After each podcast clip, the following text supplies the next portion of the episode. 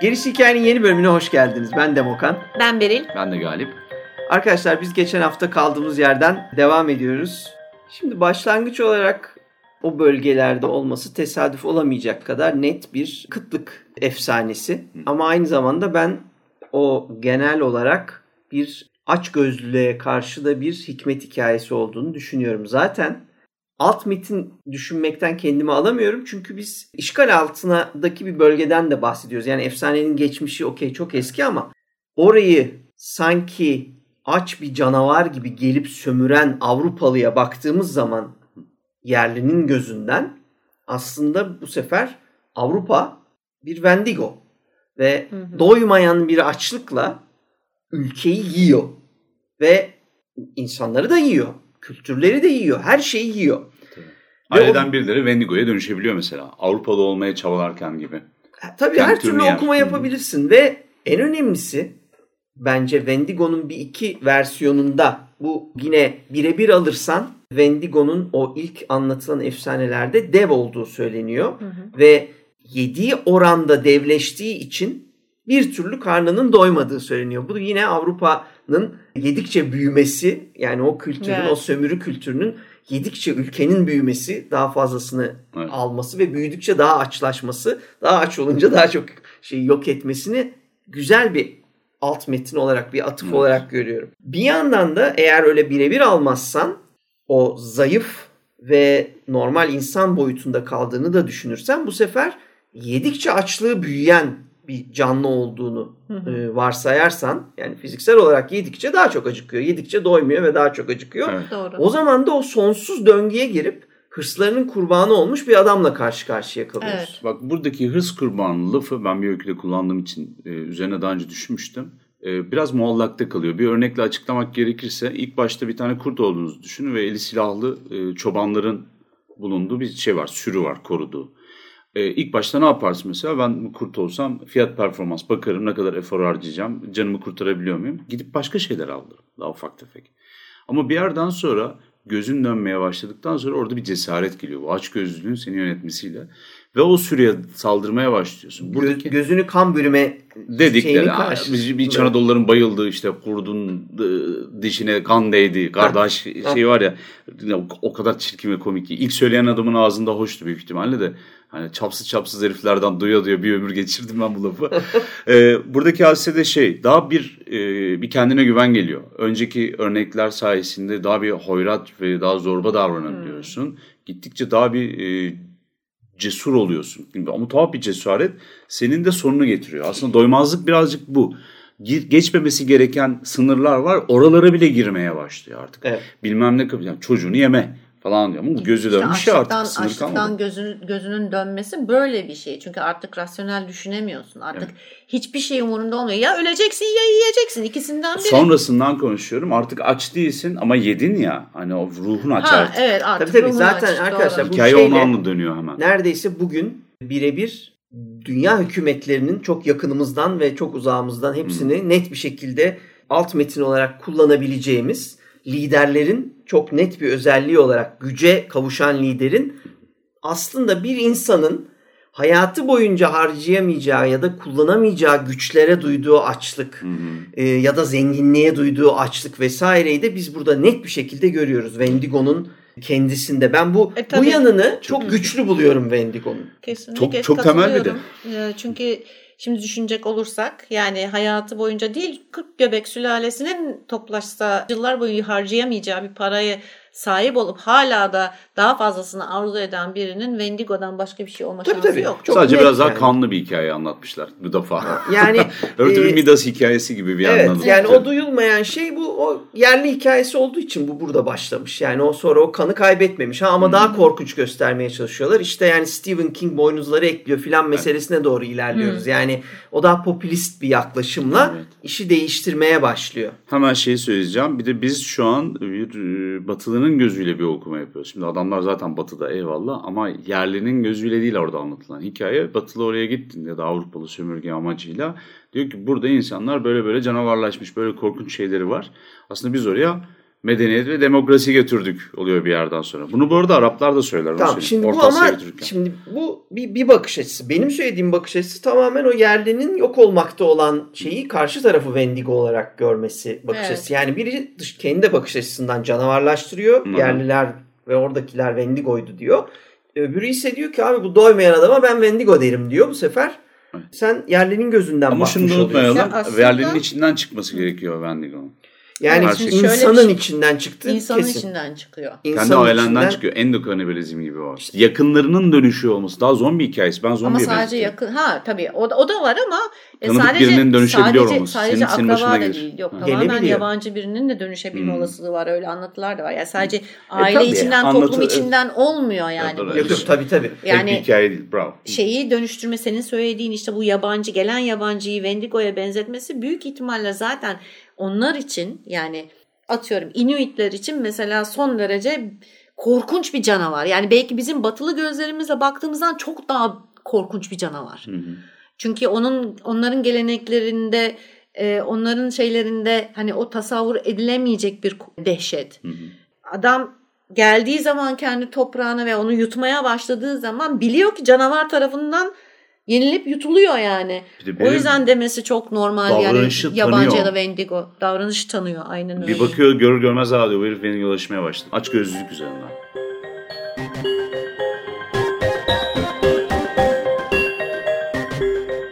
bu hikayelerde bazı mesela demin e, Galip'in söylediği ve çoğu Wendigo hikayesinde olan o e, uzlaşamama ve anlaşamama ve öyle iletişim kuramama meselesi. Bir tane hikaye buldum ben. Bir aileye saldıran, musallat olan Wendigo onu yiyor, bunu yiyor falan. Bir tane de çocuk var fakat çocuk çok zayıf. O çocuğu yemiyor. Çocuğu yanına alıyor ve çocuğun şişmanlamasını bekliyor süreç içinde. Şişmanlatmaya çalışıyor çocuğu. Fakat o süreçte peşine kabile düşüyor çocuğu kurtarmak için ve yakalıyorlar. Çocuğu da yiyememiş o sırada. Parçalıyorlar, bacaklarını kesiyorlar. Onun üzerine kendi bacaklarını yiyerek devam etmeye çalışıyor. Sonra kalbini çıkarıyorlar ve buzdan kalbini yok ederek onu yok ediyorlar. Ama daha sonrasında bu küçük çocuğun onunla çok uzun süre birlikte kaldığı gibi Beril'in bahsettiği gibi onun Wendigo'ya dönüşme hikayesi de orada var. Hı. Ondan sonra bir efsanede de kaybolan avcı çıldırıp tamamen yani ortada hiçbir hani ruh hikayesi, o iye hikayesi falan olmaksızın o Bush meselesi Galip'in söylediği bu sefer bayağı sadece açlıktan adam çıldırıyor ve insanlara saldırıp yemeye başlayarak Wendigo'ya dönüştüğü söyleniyor. Bu yanıyla da vahşiliği orman içinde ıvır kıvır olması dolayısıyla da vampirden çok kurt adama benzettikleri o bölgede kurt adama hatta işte Bigfoot'la akraba olabileceğini söyleyenler yine o First Nations hikayesi dolayısıyla ama o bence yine çok daha popülist ve yakın bir dönem Evet. ve batılı bakış açısı. Daha önemlisi az önce Yeti'de Galip'in detaylı bir şekilde anlattığı bir yanı daha var meselenin. Veçuge benzer bir isim olarak Veçuge Pasifik sahilde bir kabilenin hikayelerinde geçiyor. Yamyam fakat kadimlerin bilgisine haiz aydınlanmış bir karakter olarak anlatılıyor. Yani böyle bir Wendigo tiplemesi daha var. Kaybolup giden böyle bir hikaye daha var. Şimdi benim en vurucu bulduğum birazdan konuşacağımız Karakoncolos'la bağlı ama daha eskiye de gideceğim bir benzerlik meselesi var.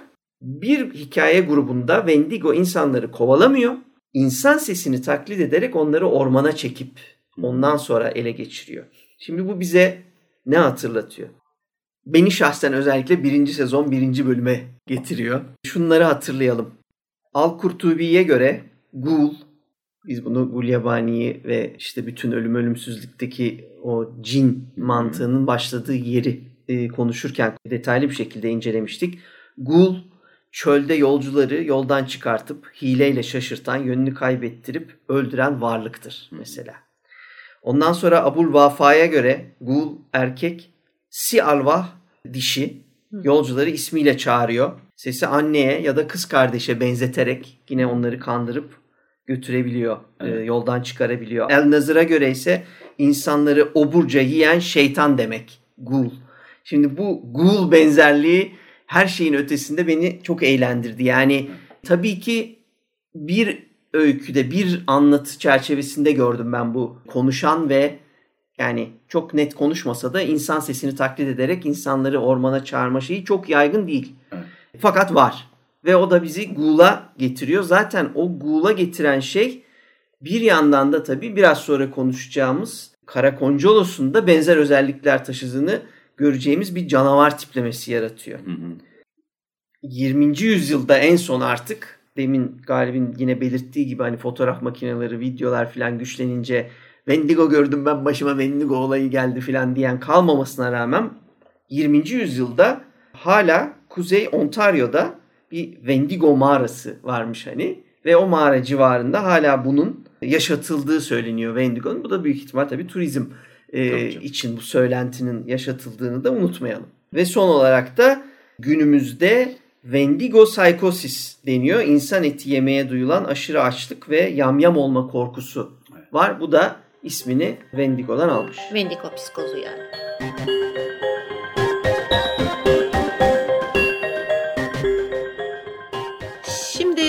Ben bir iki tane e, edebiyat açısından hani okuyabileceğiniz Wendigo ve türdaşları, e, benzeşleri e, konu edilen bir iki tane kitap söyleyeceğim. Algernon Blackwood'un 1910 tarihli bir kısa öyküsü var. The Wendigo e, adında. Kısa öykü diyorlar ama arkadaşlar ben baktım 42 sayfa falan yani bizim öyküler kısaysa o da kısa yani. Novela mı desinler?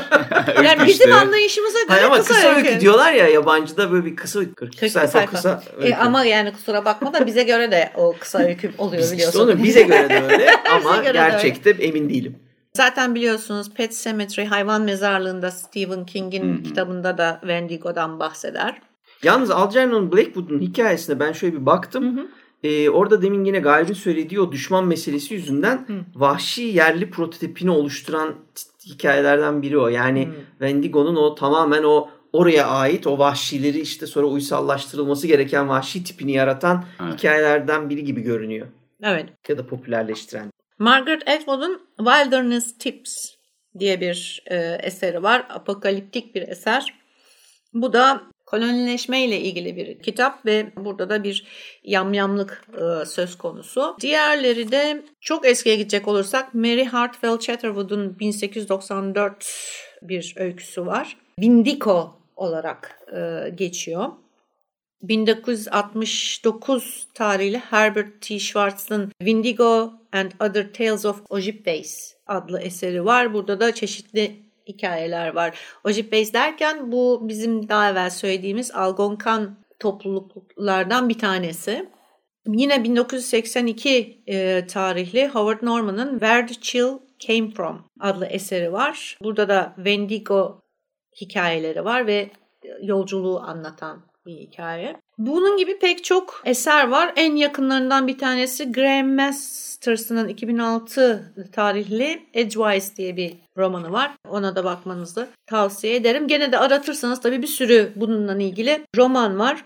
Aslında Wendigo, Windico gibi pek çok isimle alınan bu yaratığın e, edebiyatta diğerlerinden daha fazla yer bulduğunu söyleyebiliriz. Çünkü yaratığa ait pek çok eser var okunabilecek. Hatta filmler de var.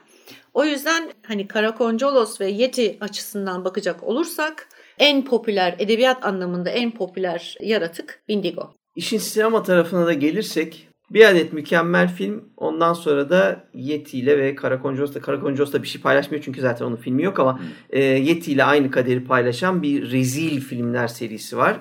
İzlemeniz gereken bir tane film var o da 1999 yapımı Ravenous. Benim izlediğim gerçekten en eğlenceli korku filmlerinden bir tanesidir. Şey olduğu için yani biraz Wendigo olduğu için biraz işte çok özel bir konuya değindiği için ve belki ben Yeti için işte dedim ya belki tanımıyorsunuz bu yaratığı hiç diye. Belki Wendigo'yu da zaten hiç tanımıyorsunuz. Belki hiç duymadınız çünkü çok e, Amerika'ya özel görünen bir e, havası olan bir yaratık. Ama Revenance'ı izlerseniz işin hem o demin konuştuğumuz batı işgalcisi bakış açısını işlerken alt metninde üst metninde de birebir yamyamlığı ve insanın e, yamyama dönüşüşünü, Wendigo'ya dönüşüşünü acayip keyifli anlatan bir filmdir. Müzikleriyle, oyunculuklarıyla, senaryosuyla, görüntüleriyle, her şeyiyle e, şölensel bir filmdir. Hatta biz e, bilim kurgu kütüphanesinde konuşacaktık. Araya küresel salgın girdi. Araya Onu salgın girdi. galiba. Yok yok konuşmadık. Bu Revenance'ı bence hatta yani belki de oturup bir izleyip hazır Wendigo konuşmuşken şimdi tavsiye edeyim. Bir de Revenants, bir bölüm Revenants çekelim. Çünkü ben, ben üstüne mı? beraberce çok konuşmak istediğim filmlerimizden biri. Bir de konuşma şansımız olmadı. Kaçırmayalım o şansı diye Var, düşünüyorum. Varım gelecek programa yapalım. Olur. Kötü filmlere gelirsek sayacağım. Frostbiter var. 1996'da The Wrath of Wendigo. Aman uzak durun. Ondan sonra Wendigo 2001. Dark Was the Night 2014. Aman aman aman aman berbat. Pet Cemetery 2019 onu Pet Cemetery olduğu için izleyebilirsiniz tabii ki. Hmm. Ben e, yeni versiyonunu izlemedim aslında ama bir ara izleyeceğim. The Retreat diye bir film var 2020'de. Aynı isimde iki film var aynı dönemde. Birinde iki kadın oynuyor. İkisi de böyle ormana giren insanlar olduğu için ben yanlışlıkla o iki kadının yarısına kadar izledim. Çoğu da çok kötüydü ama sonra fark ettim ki orada Wendigo yok meğersem. İki adamlı olanına bakacaksınız ama o da çok kötü.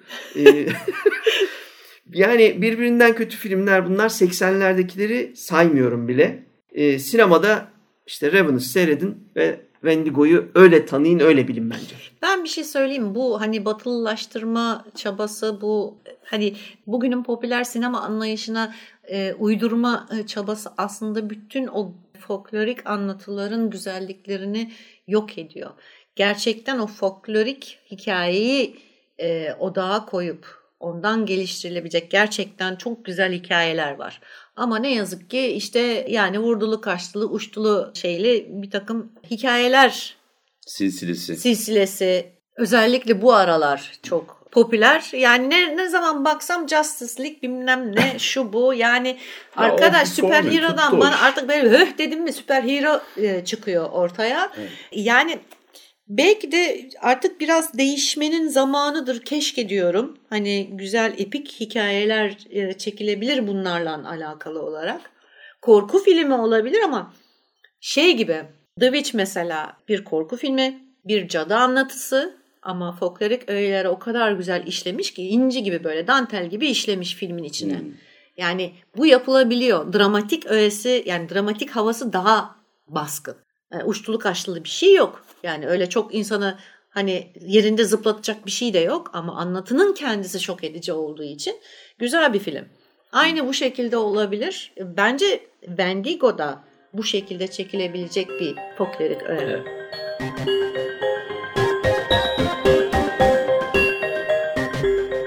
Ben Skinwalkers'ı severim mesela. O güzeldi. Değişik birazcık da böyle videosu filmlerinden fırlamış gibi aksiyon, Kurt Adam, Wendigo filmiydi. Skinwalkers. Ama şey tabii yani işte Wendigo avcıları tabancaları çekip ateş ediyorlar ya da Wendigo köyü var bir tane. Oraya baskına gelenlere silahlı çatışmalar işte gece vakti bunlar ondan sonra ayın belli zamanlarında dönüşüyorlar gibi. İşte Wendigo çetelerinin olduğu yerler falan gibi şeyler var. Aslında e, Gothic Punk'ın 90'larda gelişen çizgi roman havasının filmleştirilmiş şeydi. 2006-2007 falan olabilir. Belki biraz daha erken. E, Pet Sematary çok önemli bence Wendigo hikayesi için. Stephen King kafasına göre e, muazzam şeyler ekliyor ve çıkartıyor. Biraz önce saydığın gibi aslında bir e, antik dünyanın, eski dünyanın Goğlu, hortlağı, e, yaşayan ölüsü, akıllı ve yaşayan ölüsü gibi bir iye gibi, bir cin gibi davranan yaratımı da işin içine koyuyor. E, işte Pet Cemetery'de oraya giden yolda karşılaşıyor mesela bununla. Hı Daha sonra orada gömdüğü çocuğu işte geri geldiği zaman işte karısını e, yoldan çıkartmak için mesela bir başkası gibi görünüyor. Shapeshifter özelliğini kullanıyor Wendigo'nun. Hmm. İşte şekil değiştirme gibi, hayallerde gezinme gibi falan. Bir de şey ilginçti mesela güzel bir çözümlemesine rastladım. Wendigo'nun ele geçirebildiği bedenler kadar güce sahip olma hikayesi var. Mesela bir kedinin içerisindeyken, church'teyken çok fazla bir etkisi yok. Aksine ölüyor ve çürüme emareleri görülüyor. Ve hani o kendi de bocalıyor. Bir etkisi de yok. Kimseye büyük bir zarar da veremiyor. Daha sonra Gage'de çocuktayken mesela daha farklı davranıyor. Neden? Onun potansiyeli ya da beyin gücü, vücut azaları falan daha farklı atıyorum insana geldiğinde. En son karısına geldiğinde de Wendigo, Wendigo olarak geliyor zaten. Gibi King'in acayip zekice şey yaptı ve hani direkt kurguladığını zannetmiyorum. Hissederek yazdığı bir hikaye. Zaten herhalde sarhoşluk abi. Son sarhoş kitaplarından bir tanesi o. Hiç kendinde olmadan yazmış ya böyle 79'dan 89'a kadar bende yok falan gibi söylüyor. Neyse Creed ailesinin başına gelenler Wendigo'nun hem iyi bir örneği hem de değil. Çünkü e, işte Wendigo'nun o en başat özelliği olan işte hani e, boy pos büyür, ondan sonra bir vahşi avcıya dönüşür dediğin gibi ölü özellikleri gösterir. O tarz ya da insan etine açtır. O tarz bir şey çok görünmüyor. Gene insan eti yiyorlar ama sebepsizce öldürüyormuş gibi vahşi bir katile dönüştürüyor mesela ölümden dönenler gibi bir e, huy koyuyor. O da Wendigo'nun e, özelliklerinden bazılarını almamış gibi görüyorum ben King'de. Hmm. Ama Pet Sematary bayağı Wendigo romanı yani. Otçul bir gol diyorsun yani. Otçul da değil de öldürüyorum ama bunda ne yapacağımı bilmiyorum diyor. Ya da öldürdükten sonra yeme sahnesi varsa King onu anlatmaya değer bulmamış. Olur ya. Daha çok bir possession hikayesi gibi yani. Şey uğrama yani. Onun gibi bir hikaye. Yani Wendigo adı Wendigo ama Wendigo'nun hani senin dediğin gibi bir yamyamlığı bir şunu ısırayım bir parça alayım falan filan gibi bir Tabii, şey bir yok. de Wendigo tarafından görmediğim için analiz etmediğim için görmüyoruz. Ne oldu? Bir hayalet hikayesi gibi. Ama şu şey... da var yani o hikayeye göre hani o uygun olur muydu dediğin gibi belki de King onu yani anlatmaya değer bulmadı. Belki bu şekilde daha tekinsiz olabileceğini düşündü. Sonuçta senin çocuğun geliyor ölmüş çocuğun, ölmüş karın geliyor yani. İşte Bundan sonra, daha korkunç ne olabilir ki? Sonra buradaki o dinamizmi, e, potansiyeli görenler e, anında zombi hikayesi yazdılar zaten. Evet. Yani çocuk geldi ama çocuk senin etine aç olarak döndü ve hani uzlaşmaz bir şekilde akılsız hani alt edemeyeceğim evet, bir şey olarak zombi oldu. Evet evet. Şimdi King'in romanının en vurucu tarafı şuydu. Doğanın hemen dibindesin ama modern dünyada yaşıyorsun. Telefon, elektrik, su bilmem ne her şeyin elin altında. Hadi bugün kurallarıyla olsun internet falan da var. Nedir? Modern dünyada yaşayan doğanın üstünde bir yaratıksın değil mi? Ama ne zaman ki doğanın kendi gizemlerinin içerisine ufaktan katılıyorsun.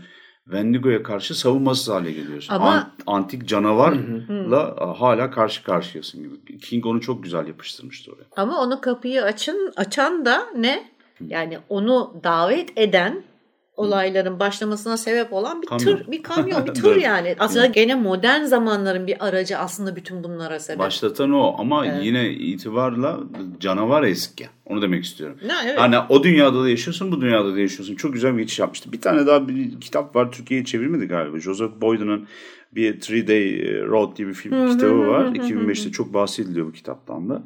Orada Birinci Dünya Savaşı'nın sırasında ve sonrasında oraya savaşmaya giden, Avrupa'ya savaşmaya giden Kanalı iki tane galiba yerli genç adam. Bunlardan bir tanesi öldürme tutkusunu hissediyor. Öldürme ve insanları şey yapma. Çünkü bir bağımlılık ortaya çıkıyor bir yaralanmadan sonra. İşte morfin bağımlılığı ve aynı zamanda birini öldürürken hissettiği ekstazi. Çünkü bunlar avcılar ve keskin nişancı olarak yerleştiriliyor. Aslında Wendigo psikozu işte senin Aynen öyle şey. ve Wendigo'ya dönüşüyor ve Kanada'ya döndükleri zaman da gerçekten bir Wendigo buna dokunmuş ve ona akıl veriyor falan gibi dönüşüyor. Kardeşi şeyde diğer arkadaşı da bir yerli kızdan Wendigo avcısı olan aileden bir kızdan yardım alarak bu canavara dönüşen arkadaşını alt ediyor ama tabii tam olarak bahsettiğin gibi artık yemek yemeyi bırakıyor, gereksiz hiçbir şey yapmıyor. Mesela o Elijah karakteri var. E, Wendigo'nun o fiziksel formuna dönüşüyor mesela. Tırnakları çıkıyor.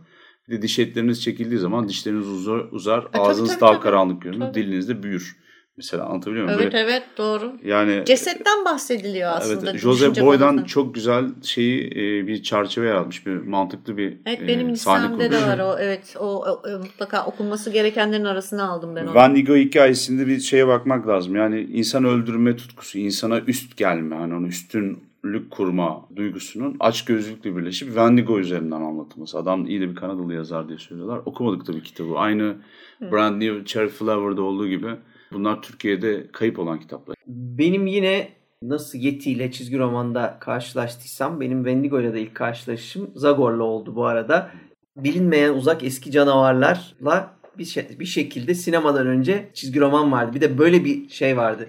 Yani bunlar bana çok eski geliyor ya.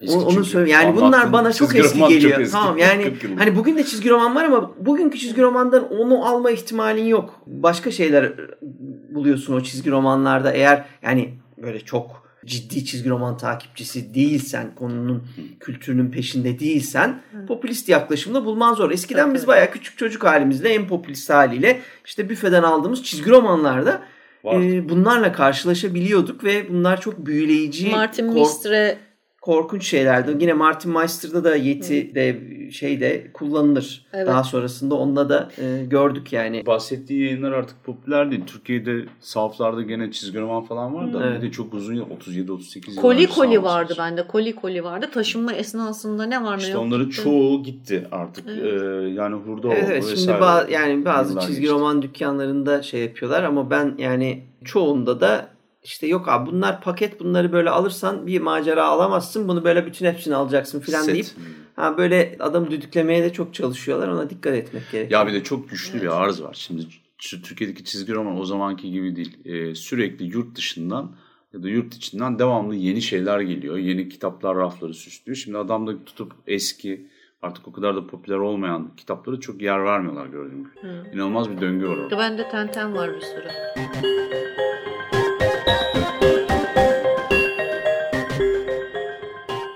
Kış ve soğuk bağlantısı birebir cepte olan yaratığımız Karakoncolos'umuz İç Anadolu'da, Karadeniz'de, Yunanistan'da, Bulgaristan'da, Sırbistan'a kadar Balkanlarda görülen bugün için hala adı anılan bir yaratık. Benim de geçen bölümde de ağlaştığım gibi yine söyleyeceğim. Hurafe sileceğiz motivasyonuyla maalesef Türkiye'de e, unutulmaya yüz tutmuş. Kesinlikle 2000'lere kadar filan zaten sözlü edebiyatta yaşatılmaya çalışılsa da orada da işte o hurafeden uzak duracağız meselesi yüzünden hani hep bölgelere sıkışıp kalmış, edebiyata girememiş bir türlü, girdiyse bile gerçekten kazıp deşip bulmak zorunda olduğunuz bir canavardan bahsediyoruz. Oysa ki Yunan halk bilimci Nikolas Politis bu dönemin anlatılarını 1904 yılında Yunanistan'da derliyor ve tabii ki Karakoncolos da onların o kendi söyleyişiyle hani Kalikancaros filan gibi bir e, isimle giriyor.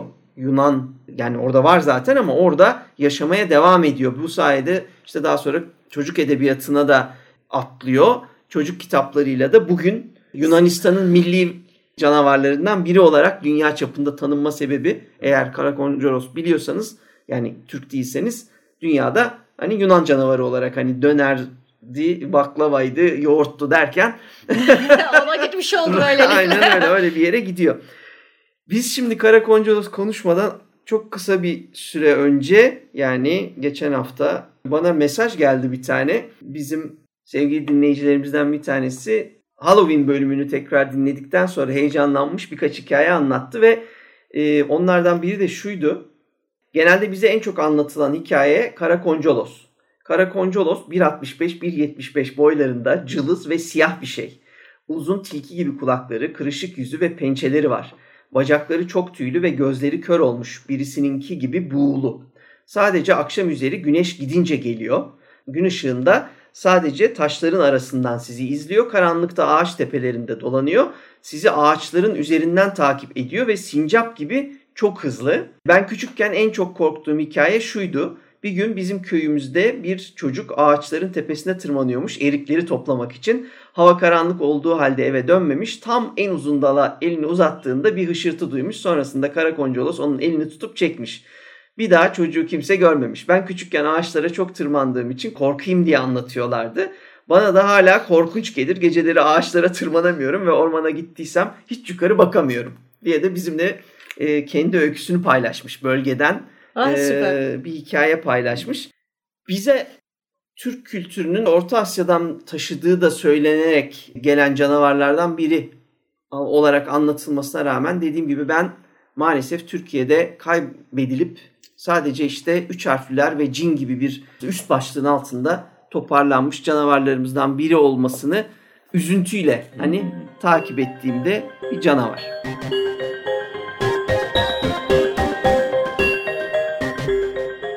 Karakoncolos ilginç, son derece buralı. İç Anadolu, Karadeniz, Balkanlar, Yunanistan falan derken aslında Osmanlı'nın ya da Türk e, kültür ve bir önceki Türk devletinin hakim olduğu her bölgede karşımıza çıkan bir yaratık.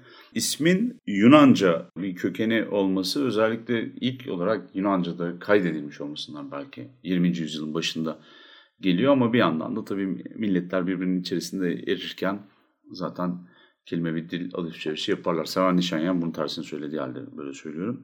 Kara kelimesine ben bir ufak takığım çünkü hem fakir alelade gibi bir anlamı da vardır. Hem de yaygın halka ait avam gibi bir manası da vardır kara konculuz. O yüzden biraz hani böyle hani gözden düşmüş şeyde yaşayan çok düzenli ya da varlıklı bilmem ne olmayan vahşi bir yaratığı anlatırken belki kullanılabilir garip manasında kullanılıyor olabilir.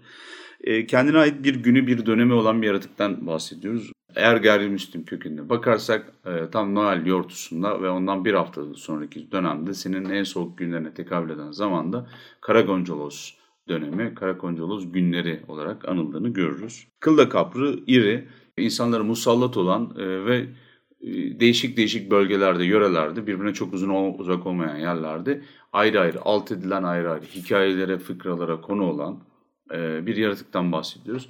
Türkçe'de en eski kayıtları Evliya Çelebi'de geçiyor. Evliya Çelebi'nin bir tılsım meselesi var. Orada 13. tılsımın Karakonculus'a etki ettiğini söylüyor. Ama Evliya bildiğim kadarıyla biraz da şey yapıp kapalıp gidiyor. Tılsımın ne olduğunu söylemiyor. Muallakta bırakıyor. Daha sonra 3. ciltte bir Çalık Kavak Köyü vakası var. O Bulgaristan ya da Romanya'da galiba. Bulgaristan. Hı hı. Orada bir Karakonculos'a dönüşen cadı vakasından bir alıntı yapılmış ve e, yeni yıl zamanı ortaya çıkan akılla alt etmesi zor ama bir şekilde hani iletişime geçebildiğin Wendigo'dan hariç bir yaratıktan bahsediyoruz. Şu şeye takılıyorum ben ya bu bir yandan da çok eğlenceli belki de konuşulması gereken bir konu daha diye araya girdim. Cadının yani hem cadıyı kullanıyor hem cadının şeye dönüşmesini kullanıyor. Karakoncalos'a dönüşmesini. Biliyorsunuz Kurt Adam bölümünde de konuştuyduk mesela cadıların kurt adama dönüşmesi meselesi de vardı. Evet evet. Böyle bir canavarlar karmasını biz Anadolu'daki bütün canavarlarda neredeyse özellikle görüyoruz. Onu belirtmek istedim. Ya aslında bu don değiştirme hikayesi gibi yani gücün ya da büyülü fiilin, eylemin üst seviyesi olduğu zaman belki de dönüşülmez bir şekilde, geri dönüşü olmayan bir şekilde Karakoncalos'a dönüşüyorsun. Gücü ufak ufak deneyimlersen mesela ufak tefek e, şirinlikler, cadılıklar yapıyorsan insan formunda devam edebiliyorsun. Ama bir yerden sonra ya Karakoncalos'a dönüşüyorsun ya da Karakoncolossan mesela kendini cadı olarak orada gizlemeye çalışıyormuşsun gibi bir şey. Belki ha. Bir de tuhaf ve daha önce hani Elif Şafak'a kadar gitmiş olan bir tane şey hadisesi de var kendisiyle anlatılan. Çok uzun da bir silsilesi var burada. Çok güzel makale var bu söyleyeceğim. Ee, karşılaştığınız zaman ondan kurtulmak için onu sorduğu sorulara her şekilde kara ile başlayan bir şey söylüyorsunuz mesela. Sen kimsin deyince Kara Galip demem gerekiyor. Nerede oturuyorsun? Kara Kadıköy'de falan gibi. Şu an ne yapıyorsun? Karası hikaye yapıyoruz falan gibi. Ondan sonra böyle karayla başlayan cevaplar verdiğin zaman hani şey yapabiliyorsun, kurtarabiliyorsun kendini gibi. Ya da hani fakir, çirkin, yenmeye ya da saldırmaya değmez bir yaratık olarak, necis bir şey olarak kendini gösterirsen o zaman da paçayı kurtarıyormuşsun. İşte beni yeme benden bir şey olmaz. İşte zaten adım satılmış falan gibi. Ya Boyum çünkü, kısa. Evet. E, satılmış adı şey buradan gelir bu arada. Canavar uğramasın diye. Bu bu çocuk satılmış ki bize ait değil. İşte hani bilmem ne Yaşar falan diye konulan tılsımlı isimler onlar biraz da. Bu Galip'in dediğiyle ilgili geçen bir cümle vardı. Çok eğlenceli. Onu söyleyeyim hani.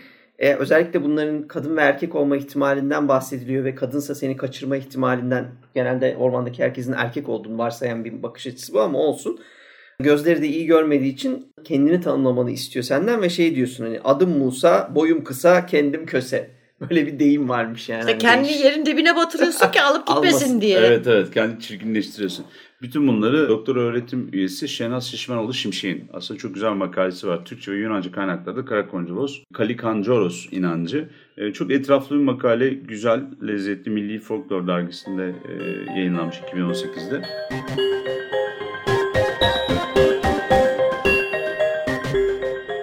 Düşünün işte çok bak tarih çok önemli. 2018 çok yakın, ancak çok... yani ancak neyse ta kayboldu gitti derken toparlamış sağ olsun. O konuda bir şey söyleyeceğim. Şimdi biz 20 yıldır bu işlerle uğraşıyoruz. Gerçekten de öyle oldu. Anadolu Korku çıkalı 15 sene 16 sene olmuş. Kan gücesi vardı işte 2000'lerin başında. 2000'lerin başında derken 2005-6 falan değil yani 2002'den falan bahsediyoruz 2003'ten.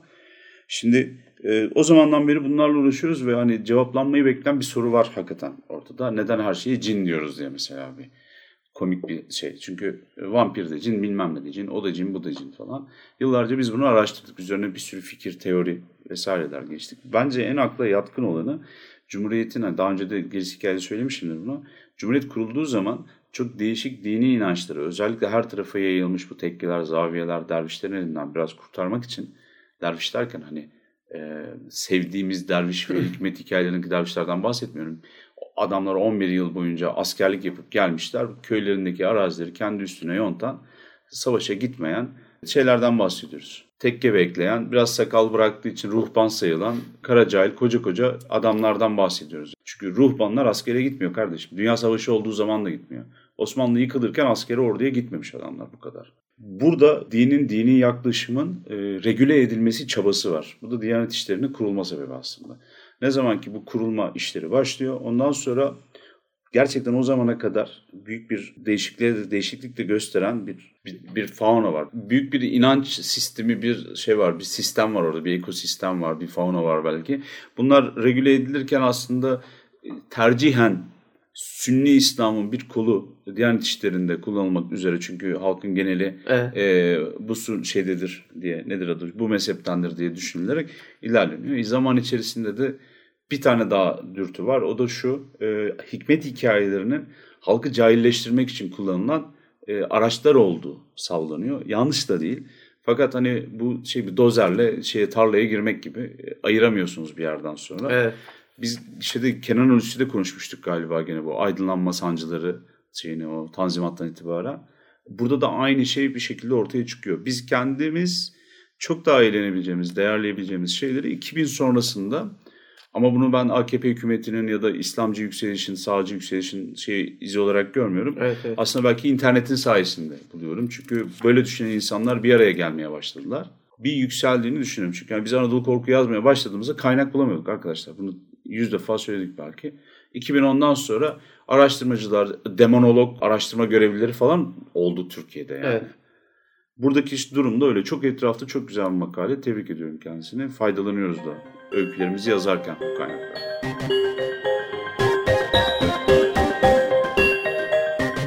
Biraz özelliklerinden bahsedelim. Yani şimdi genel olarak bahsedeceğim. Öyle bölge bölge bahsetmeyeceğim. Çünkü bölge bölge e, ayırmaya kalkarsak en azından bir bölüm daha e, çekmek gerekir. Ama şunu söyleyebiliriz. Bir kere kesinlikle ve kesinlikle kış yaratığı kendisi. Hatta kışın en soğuk günleri ortaya çıkıyor. Buna da zemheri yaratığı e, deniyor. Siz de zaten söylediniz. E, birkaç şekilde ortaya çıkışı var. Fırtınayla yani coğrafyasına bağlı olarak fırtınayla geldiği, donla geldiği veya işte denizden çıktığı söyleniyor.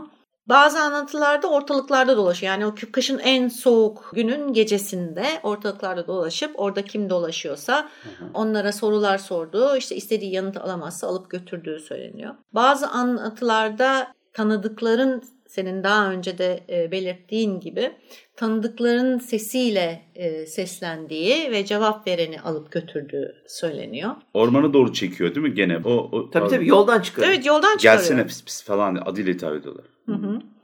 Bu yüzden mesela e, şey de olabiliyor.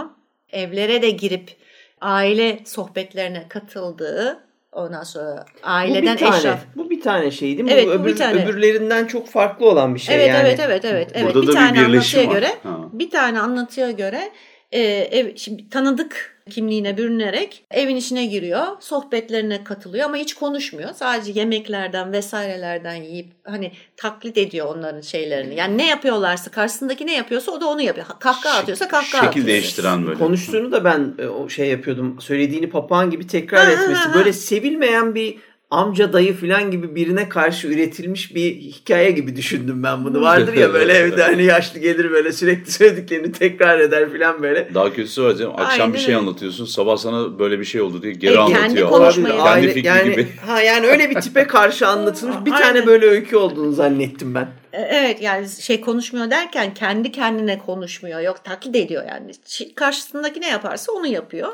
Hmm. Böyle bir şey var. Hatta bununla ilgili e, şimdi nerede okuduğumu hatırlayamadığım bir önlem de vardı. İşte pamuk ipliğini yakarsan gerçek yüzü belli olur. Hmm. Ondan sonra işte onun bulunduğu ortamda e, yemekten yiyemezsin. Çünkü işte yemeğe işer. Hatta böyle bir başka bir söylencede de var bu. Hmm. Yemeklere işediği, tükürdüğü, kustuğu söylenir ki hasta etsin şey. E, Kabı ağzını açık bırakmamak, bırakmamak için. için. Evet. Aynen öyle. Çünkü dışarıda soğuk tutmak için dışarıda bırakıyorlar ya yemekleri. Evet, evet. Kabı dışarıda öyle ağzı açık bıraktığın zaman işte böyle e, gelip tükürüp e, kusup içine hasta ettiği söyleniyor. E, söyleniyor. Oraya devam etmeden şey söyleyeyim ben de ya. Men in Black'teki uzaylı vardı ya gelip insan bedenine giriyor.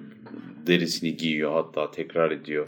O esnada da glitch böyle daha henüz öğrenmediği kelimeler var. O yüzden aynısını söyleyip duruyor falan böyle hani yetmediği yerde de öldürüyordu hmm. işte. Hani acayip bir benzerlik gösteriyor. Bir de tabii muazzam sahneler. Düşün köy odasında bilmem ne geldi mi yemek getirdim mi falan. Demin başka bir şey konuşmuştuk. Yani e, hane halkının içerisinde bir kişi Dışarıya çıkmış ondan sonra bir başkası gelmiş. Onunla konuşuyorsun yarım saat. Sonra o kişi bir daha geliyor.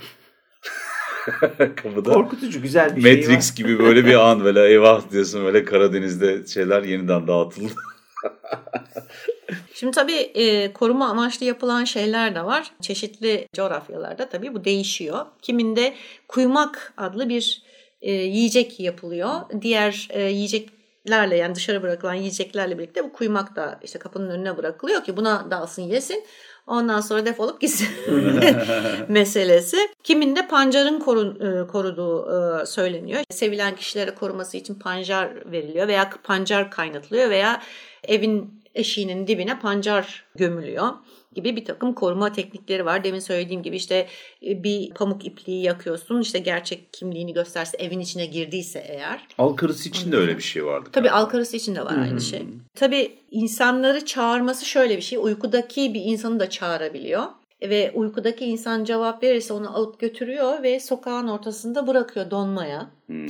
Yani aslında bu birazcık da uyur gezerlikle harmanlanmış bir hikaye olduğunu düşünüyorum. Yani bir uyur gezerin kışın o, o şeyi soğuğunda çıkması ve sokak ortasında donup kalması gibi düşünün. Hı hı. İnsan şeklinde işte bir, bir anlatıda insan şeklinde değil, e, insan şeklinde ancak bir e, o ailenin bir yakınına bürünerek e, girebiliyor. Kiminde de tam olarak insan olamadığını ve bir yaban adamı olarak göründüğü e, söyleniyor.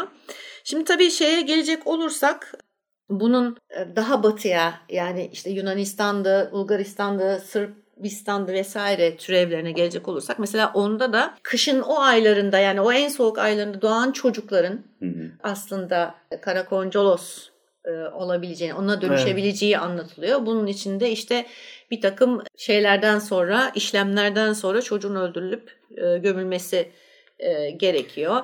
Bu da şeyde vardı değil mi? Bizim e, Kurt Adam'da mıydı? Yedinci erkek çocuk Şili hikayesi. bir şeye dönüşür evet, evet, filan evet. meselesi. Evet, evet. Onda da vardı doğru. Kimi yerde mesela uzak tutmak için ahırın mesela siyahtan aslında nefret e, siyah renkten nefret ettiği söyleniyor. Kapıların ah, özellikle ahır kapılarının yani hayvanları alıp götürdüğü düşünüldüğü için hı hı e, ahır kapılarının siyaha boyandığı e, söyleniyor. Kimin yerde de zincirle gürültü çıkarılması gerektiğini düşünüyor. O yüzden böyle e, özellikle fırtınalı zamanlarda zincir şey yapıyorlar. Hani vardır ya bu rüzgar gülü gibi zincir asıyorlar falan filan. O kadar çeşitli şeyi var ki çok renkli bir yaratık bir kere. Yani çok farklı e, anlatıları var. Yani tabii ki ortak şeyleri de var. Bir kere en ortak şey zaten kışın en soğuk günlerinde ortaya çıkması. Ama senin de dediğin gibi Yunanistan'da daha böyle artık yumuşatılıp daha böyle çocukların da oyuncağını alıp hani koyunların da e, uyuyabileceği bir e, yaratığa dönüştürülürken bizde daha tabii e, korkunç bir halde kalıyor. Yani bizde öyle bir e, şey yok, refleks yok hmm. e, tabii ki. E, Ama o zaman Çünkü içerisinde. İşte yani. o dediğim Edebiyat gibi o edebiyata girdiği için, bizde edebiyata giremediği için o eski haliyle kalıyor. Ayrıca bizdeki versiyonu epey çirkin. Yani gerçekten çok çirkin. İşte böyle uzun kulakları olan, pençeleri olan, koca dişleri olan, siyah, eciş bücüş. Kimi yerde uzun diyorlar. Kimi yani bir adam uzunluğunda, kimi diyor bir çocuktan hallice. Ama sonuç olarak e, bizdeki birazcık daha tabii çocuk masalına olmaya ne kadar uygun bilemedim. Ama edebiyata girse belki bizde de aynı şey olabilirdi. Tabii, tabii. Yani kim bilir umacı e, çok tatlı bir umaca yaratabiliriz tabii, yani. yani. Bizde de e, o şey refleks olabilir. Çok, yani çocuk edebiyatına girdiği için oradaki o süreç oluşmuş. Evet. Hani bizde de şimdi benim bildiğim e, işte bizim şeyin Mehmet Berk Yaltır'ın favori yaratıklarındandır. Hatta bir tane var galiba öyle bir öyküsü. Öyküsü var evet. evet. Ha, yani işte anca böyle 2000'ler 2000 hatta onlar sonrası konuşulmaya ya da edebiyata girmeye başladı. Ha bak mesela şurada hmm. notum varmış onu ben söyleyeyim. Şimdi bu şeyden bahsediyorum Yunan versiyonundan bahsediyorum. Ee, eğer çocuk 17 ile 23 Aralık arası veya 25 Aralık'ta doğar ise Kalikanteros diyorlar onlar e, olması mümkün ki bu, bu yüzden de bu çocuğu sarımsak ve e, otla sarıp ateşin üzerine tutuyorlar ve parmak uçları veya ayak parmak uçları şey yapana kadar siyahlaşa kadar aksi takdirde dönüşeceğini hı hı. E, söylüyorlar. E, bu da bir başka versiyonu. Son olarak söyleyeceğim bir şey daha var. Gene Avrupalı anlatısına göre diyeyim, daha doğrusu Balkan anlatısına göre erkek oldukları yani Karakoncalos'un erkek bir ırk olduğu ve kadınları, insan kadınlarını kaçırarak bunlardan çoğaldıkları da e, anlatılar arasında.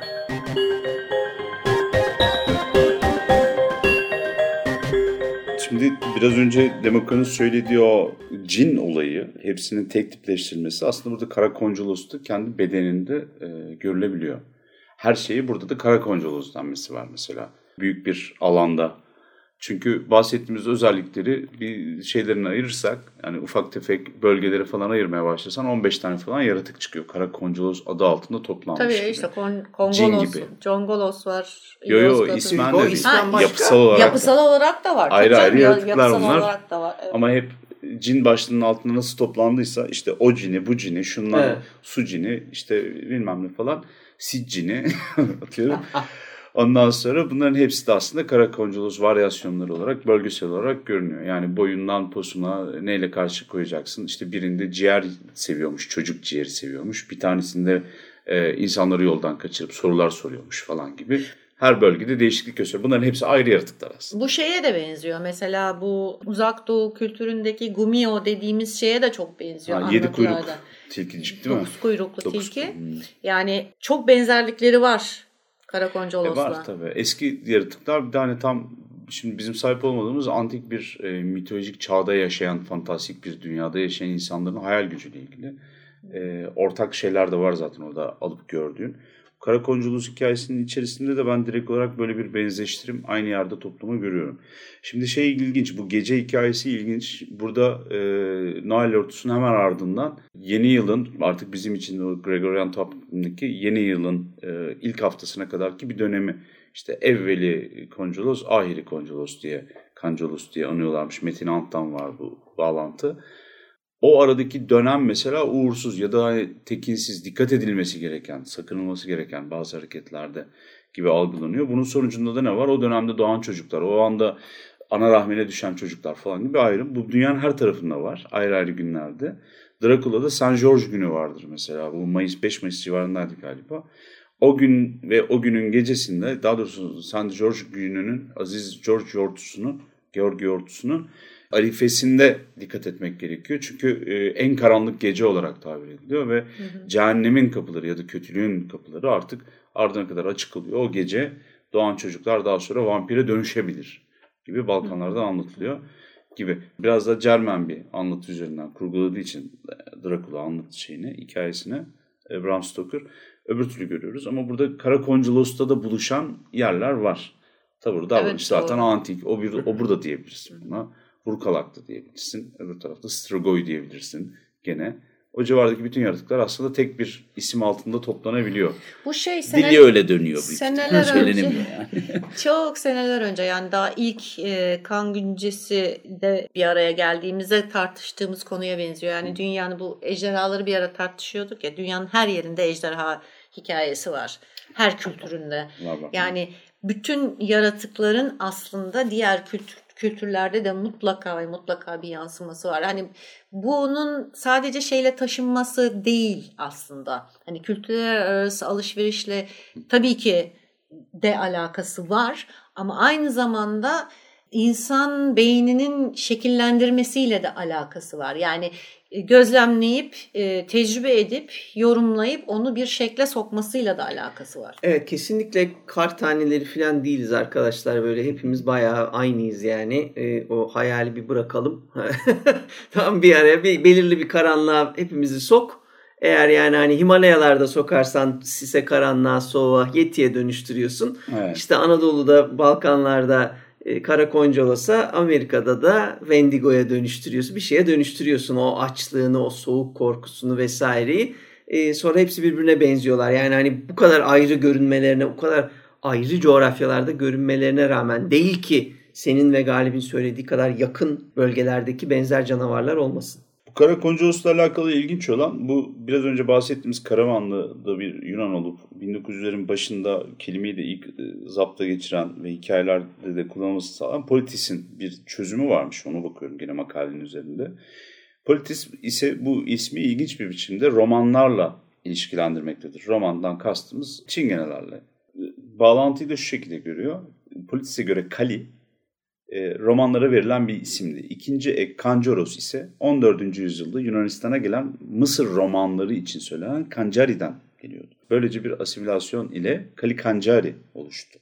Politis insanların Karakoncorosların hortlamış romanlar olduğuna inandıklarını da belirtmektedir. Yani aslında burada bir xenofobi de işin e, içerisine işine giriyor. giriyor. Çünkü Tabii giyim, kuşam, ten rengi e, şeyde karikatürize edilmiş kötü bir niyetle, evet, niyetle evet. karikatürize edilmiş xenofobinin sürdüğü bir şey var. E, aşağılama hissi de var. Evet ya bu antik şimdi canavar bozuldukça işte bu böyle kültürel çatışmalarla bir şekil alıyor. O e, bazen böyle nefret söylemine dönüşüyor. Bazen bir dinin popülerize etme çabasına dönüşüyor. Ben mesela bu şeyi 25 Aralık 6 Ocak sınırını İsa'nın doğduğu kabul edilen gün ile daha sonrasında İsa'nın yolculuk edip vaftiz edildiği dönemi arasında geçen o benzer bir süreci taklit edişini ben yani o döneme bunu koymalarını ona yoruyorum mesela. Yani sanıyorum bu soğuğun dışında zemheri dönemi hmm. olmasının yanı sıra tabii bu elverişli olmuş ama tam böyle 25 Aralık 6 Ocak arkadaşlar falan diye sınır koyma sebebi son dönemde yani antik bir canavarın sonra şeyle beraber Hristiyanlıkla beraber eklenen bir özelliği. Tıpkı demin Galip'in söylediği işte o dönemde Yunanistan'a gelen yabancıya karşı düşmanca bir tavırla bu ismin konduğunun söylenmesi gibi. Bir de şöyle bir ek de var mesela. Bahsettiğim dönem önemli. Kutsal bir zamanın içerisinde ki kutsal olmayan ya da tehlikeli olan şeyi işaret etmesi açısından önemli. Karışık bir cümle oldu ama tabu ve haram dediğin şeyin aynı anda kutsal aynı anda da kötücül olması, şeytani olması durumu var burada. Mesela o aralıkta doğan çocuklar eğer vaftiz edilmezse kara koncolos olurlar. İşte tamam böyle... yani net işte tam da bunu diyorum. Aynen. Bravo yani tam harem da anlaşılması gereken o Haram yani. ve ha, işte Tabii. mahrem hikayesinde olduğu gibi. İki manaya da geliyor tam tabu e, manasında bazı kurallar var. Uymazsan o kötülüğe dönüşü veriyor aslında. Çok güzel olacak bir şey. Evet, evet. O şey onu yaratıyor. O sonra çıkan görüş, toplumsal baskı, o sırada işte siyaset, politika o dönemdeki yaratığa bir şeyler ekliyor ya da bir şeyler çıkarıyor. O zaman bir bir önceki yaratığın bir özelliğini de katıyor. İşte yabancı düşmanlığını da katıyor ya da işte Hristiyanlıktan bir şey alıyor, İslamiyet'ten bir şey alıyor vesaire bir sürü numara çekip bir yaratık oluşuyor.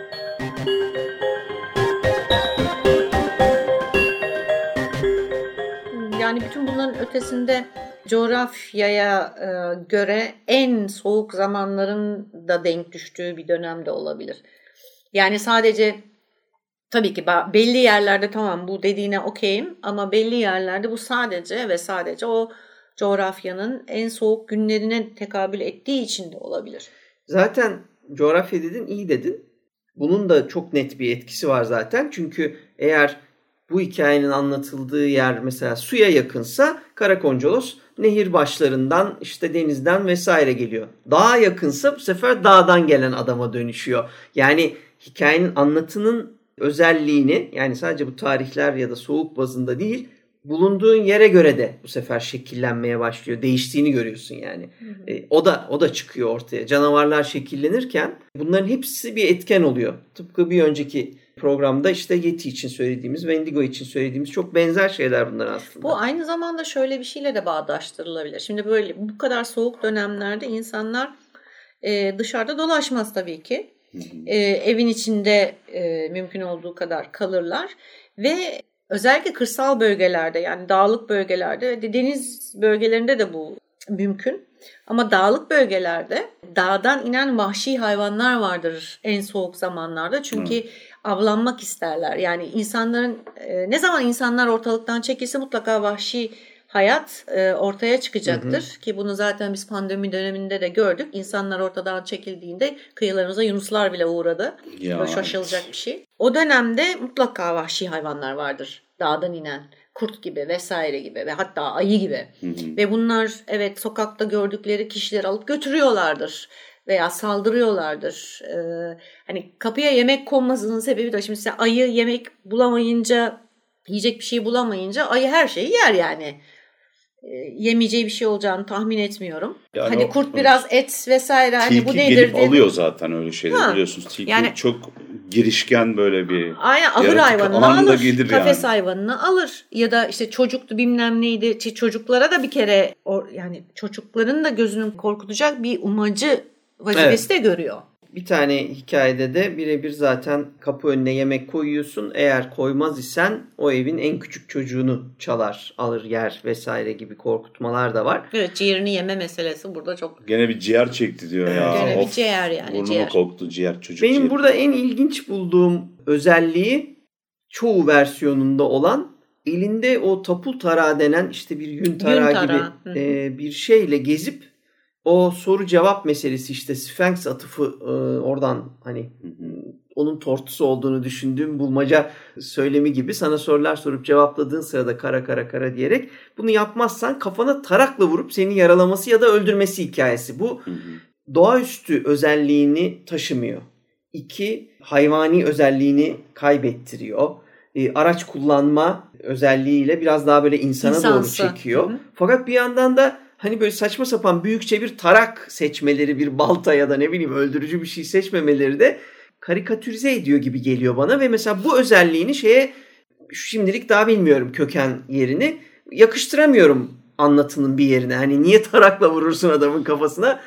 İlginç geliyor bana. Yo, şeyden... yani korku hikayesi anlatmak istemiyor büyük ihtimalle vatandaş. Mizacı öyle değil yani. Da, şu da olabilir. E, şimdi yün eğirmek için kullanılan bir taraksa bu. Şimdi atıyorum tamamen e, yanlışım varsa düzeltin sevgili dinleyicilerimiz.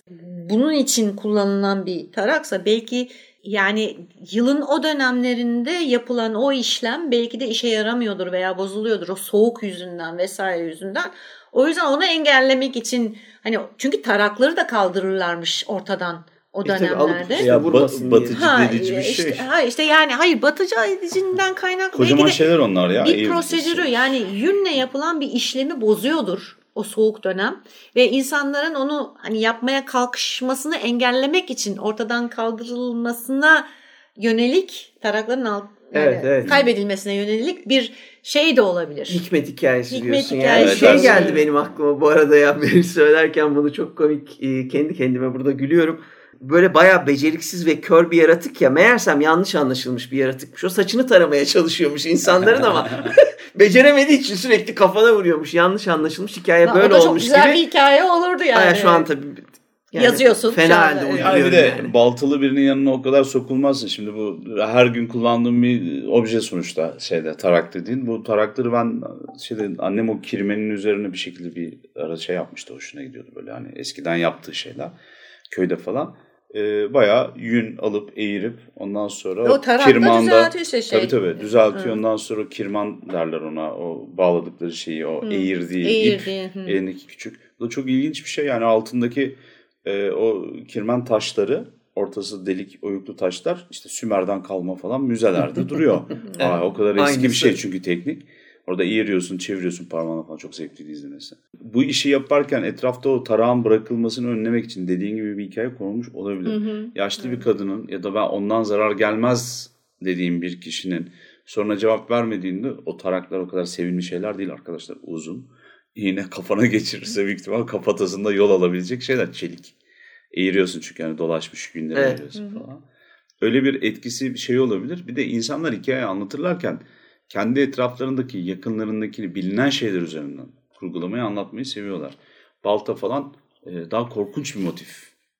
Ama öbürküsünün twist'i daha sağlam. Daha nine, nine hikayesine benziyor değil mi? O taraklı evet. versiyon daha böyle ninelerin çocuklara anlatacağı. Balta ya falan işin bak, içine girerse hikaye yani çocuğu, anlatmak çocuğu uykusuz bırakacak. Ama tarak hani tarak birazcık daha böyle yumuşatılmış bir versiyonu. Hmm. O da olabilir. Yani ninenin çocuğa anlattığı bak işte tarakla elinde gelir işte vesaire. Işte yani sosuna... insan bu söylediğiniz ortak özellik insan kurgusuna e, en yaklaştığı canavar yaratılırken hani uyduralım o sırada gözünün önünde ne vardı masalı anlatırken? Tarak vardı. O masal bir kere tarakla anlatıldı. Sonra tarakla yani tarak dediğim şey dediği gibi galibin normal bir taraktan bahsetmiyoruz. Bir yön tarağı yani hani koca bir şey ağır büyük bir şey. Ama her ne olursa olsun yani öyle nasıl şey şekillendiriyordu coğrafya şekillendiriyordu. İşte e, aile yapısı şekillendiriyordu hikayeleri. Evet. Bu da şekillendirmiş olabilir ya, dediğim gibi ama hissediyorsun şeyi burada. Evet. İnsan kurgusu bu. Ya bölgesel derken şu da var mesela bu gene şeye getireceğim yeni yılın ilk haftasının sonunda yortuda bitiyor falan. Ortodoks rahiplerin suyu kutsama haç atarak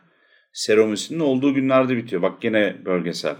Ve yılın en soğuk günü diye ilk başlarda net bir tarihe konmadan daha bu muallakta bahsedilirken mesela kurumsal bir dinin ve ona inananların arasındaki bir hikayesi yortuyla bağdaştırılabiliyor. Yani Şimdi... onlar tamamen insan ve toplulukla çok bağlı. Yani evet. yaratığın hmm. kendine ait ne bir iradesi ne bir kimliği olmayabiliyor. Şimdi mesela yazıyorum ama... bir oldur derler ya bana bakanın gözünde işte.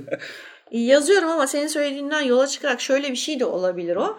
Ee, normalde aslında bu pancar gömme veya pancar kaynatma olayı hmm tamamen bir gelecek mahsulün bereketine yönelik bir ritüel olabilir. Fakat insanlar bu ritüellerin hani tembellikten veya işte önemsememesinden kaybolmaya yüz tuttuğunu fark edince uydurulan yani Karakoncolos'a bak sen eğer bunu yapmazsan Karakoncolos gelir e, şeyiyle o adetin devamını sağlamak için yapılmış olan bir hikaye de oluşturulmuş Hı-hı. bir hikaye de olabilir. Samhain'de biz konuşmuştuk bunu Halloween'de. Yani aslında pagan ya da bir e, kurumsal dinin bir önceki yatsıdığı, ezmeye başladığı şey ufak ufak sızıyor şekil değiştiriyor. Evet, yani evet. Ha bunlar birazcık da böyle hani dönme inanışlar gibi hani Hı-hı. şey yapabilirsiniz. Eskinin izlerini taşıyor. Sadece ismi değişmiş, şekli değişmiş. E, vaktinde sen hasat zamanında ya da malın bir kısmını e, belki de doğal döngünün içerisinde doğaya saygı ölçüsünde düşünüp hasadın bir kısmını yabani hayvanlara verme gibi bir inanışın vardı zamanla. Hı hı. Ondan sonra geldiler siz niye yabana böyle yapıyorsunuz? Onların rızkını Allah verir falan dedi birisi. Bir derviş geldi dedi ki yani fazlayı bana verin diyebilir. Çünkü kurumsal dinler bunu yapar. Ondan sonra e ne oldu? Bir yandan da ama biz oraya mal vermeyince hayvanlar, domuzlar, kurtlar, tilkiler aşağı inmeye başladılar. Anlatabiliyor muyum? Ve işte bir tanesini gördüm. Karakoncolos dedim. Yiyebileceği bir şey veriyorsun sonuç olarak. Doğanın içindesin. Da. Doğanın aç gözlük yapmaman lazım. Belki orada öyle bir hikaye vardı.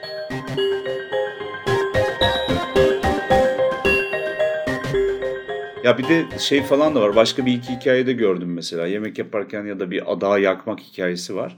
E bunlar da gerçekten pagan dönemden ya da hani önceki dinlerden, bölgesel inanışlardan sızma şeyler. Hikayenin içinde bulunan.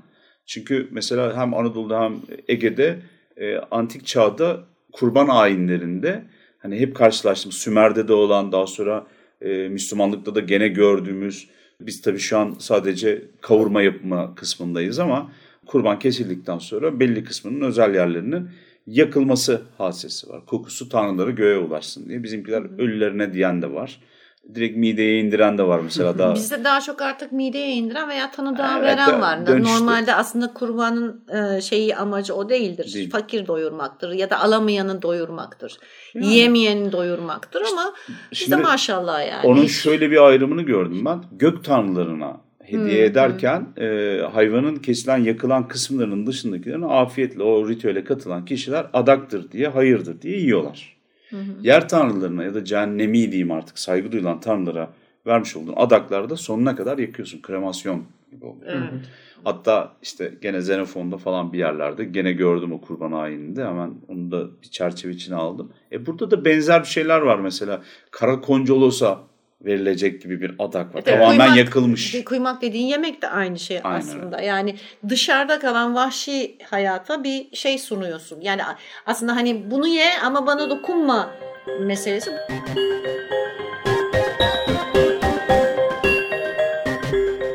Benim gördüğüm edebiyatta maalesef bizde pek şey yok. İşte 2010'lardan sonra bir e, Berk Yaltırık bu işi biraz kovalıyor.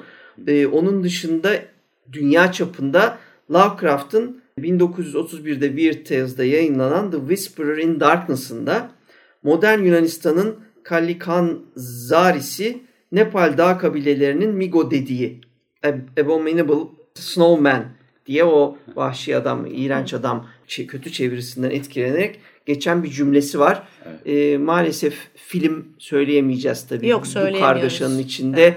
Varsa, bilen varsa öyle bir şey gördüyse e, o bize haber versin. Çünkü evet. yani bu canavar özellikle bizde yok edildiği için bizde de Yunanistan'da da sinema, korku sineması hiçbir zaman dışarı dönük olmadığı için özellikle. E bizdeki de zaten sadece cinlerden ibaret olduğu için Karakoncalısa daha sıra gelmedi. Halbuki evet. ne hikayeler var değil e, mi? Tabii, laf yani, arasında geçer hep aynı şeyi ama. söylüyoruz. Evet. Yani o kadar çok versiyonu var ki bunların.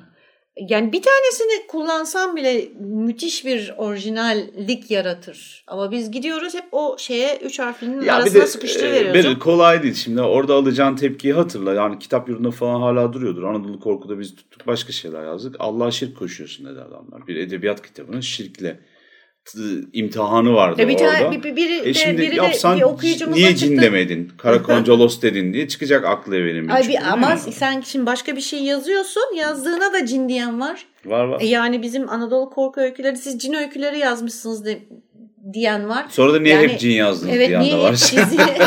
şimdi aslında Anladın gel anlat zorlu. şimdi bu, bu, bu, bu cin değil senin cin de, senin cin Ama olarak seviliyor. bildiğin bir şey değil yani. Şimdi ben genç ya da hani belli bir şeyin dışındaki insanların daha kafası açık e, özellikle genç insanların e, bu hikayeleri ve bu perspektifi e, görmeyi istediğini biliyorum.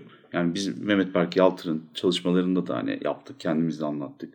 İşte Devrim Kunter'in galiba bir tane şeyinde çizgi romanda Seyfettin Efendi'de bir Konculos hikayesi vardı gene. Şimdi ufak ufak gündeme geliyor. Son 10 yıldır da tartışılıyor. 10-12 yıldır da. Üzerine bir şeyler yapılıyor. Güzel makale çıktı diyor. Şimdi ufak ufak belki üretmek gerekecek. Ama öbür tarafta çok baskın bir kültür var. Bir yandan da oluşmuş. Korku filmlerin içerisinde kesin Karakoncolos'la alakalı amatör yapım bir şey vardır. Amatör değil yani yayınlanmış olan bir tane vardır düşük bütçe falan. Evet evet ama işte adı evet. geçmiyor bir şekilde. Bizde, yok, Bizde evet. adı geçen işte bir de yine bizim parçası olduğumuz Karanlık Yılbaşı öykülerinde de Orkide'nin yazdığı Orkide Ünsür'ün öyküsünde hmm. de Karakoncolos mesela hmm. anlatıyordu. Hmm. Böyle nadir örnekler var. Bir de Türk Canavarları Sözlüğü diye bir kitap var. Ahmet Burak Turan'ın yakın dönemde çıkan. Aklınızda olsun o da böyle canavarları toplayıp birazcık bu farklı bölgelerden bilgileri kısa kısa bir araya getirmiş. Hı En azından adlarına bakmak için kullanabileceğiniz bir kaynak olabilir. Bu arada e, Profesör Doktor Özkul Çobanoğlu'nun da memoratlarında e, Karakoncalos'a dair memoratlar var. E, hatta orada pek çok Türk söylencelerinde yer alan yaratıklara dair anlatıları görebilirsiniz. O da çok e, enteresan bir eserdir ve hmm. dolu dolu bir eserdir. E, bence bu tür e, konulara merak meraklı olan herkesin evinde bulunması gereken bir kaynak. Ben ara ara açıp buna bu ne olmuş, şu ne olmuş diye e, ara ara okuduğum halde tekrar tekrar dönüp dönüp bakıyorum. Hani bunu söylemek ne kadar doğru tabii biz artık yats yani yatsımadığımız için bu konuları veya işte bize korkunç gelmeyip daha hani edebiyat e, yönünden baktığımız için çok eğlenceli bulduğum bir eser e, memoratlar. Evet. Onun haricinde Seçkin Sarpkaya'nın eseri olan Türklerin Şeytani Masalları adlı eserinde de Congolos olarak bu yaratığın bahsi geçiyor. Yüz soruda Türk folkloru Pertev Naili Boratov'un incelemelerinde de geçiyor bu yaratık. Aslında bakacak olursanız o kadar çok e, kaynak var. Bunların hepsini zaten yazarız. Bizim kaynak listemizde görürsünüz. Gerçekten bulunduğumuz coğrafyaya ait bu tür yaratıklar çok fazla. Çok çeşitli. Bir de çok güzel anlatıları var. Ama ne yazık ki işte ancak biz böyle irdeleye irdeleye işte birkaç arkadaşımız e, hakkında araştırma yaparak kimisi çünkü akademisyen onlar araştırma yapıyor. İşte yazar arkadaşlarımızdan esinlenerek yaza, yazdıkları hikayeler var. Yani bir çaba var ama hala yeterli değil. İnşallah gelecekte e, İnşallah olacak daha fazlasını ya. göreceğiz diye böyle evet. bir ümit içinde bekliyorum. Gene uzun bir şey oldu. Bir ufak maraton da yaptık aslında. Maraton sayılmaz herhalde. Bir 400 falan koştuk. şey bu e, yaban adamı konuşmaya başladığımız iki bölüm süren yaban adamları, yaban kadınları, yaban bireyleri konuşmaya başladığımız yaban birey şeylik soluksuz sohbetimizi burada nihayet erdiriyoruz. Çok zevkli konulardı. Özellikle gerisi hikayede biz son zamanlarda çok fazla işte hani diziye kitaba falan girmiştik. E, birazcık da korkunun yaratıkları gibi, folklorik unsurların yansımaları gibi şeyleri irdelememiz, e, kültür tarihiyle alakalı birazcık araştırma yapmamız gerekiyordu, anlatmamız gerekiyordu. Bence iyi oldu. Uzun zamandan beri de bekliyordu bu Vendigos'u, Karakoncolosu, Yetisi falan. Evet. Ee, bizi dinlediğiniz için teşekkür ediyorum. Gelecek bölümde görüşmek üzere. Yaratıkları seviyoruz. Yaratıkları konuşmaya devam edeceğiz. Ee, bu seferki yaban adamımız ve Galip'in söylediği gibi yaban bireylerimizdi. Ee, bir sonrakinde su iyeleri konuşuruz belki. Bizi dinlediğiniz için teşekkürler. Görüşmek üzere. Görüşürüz.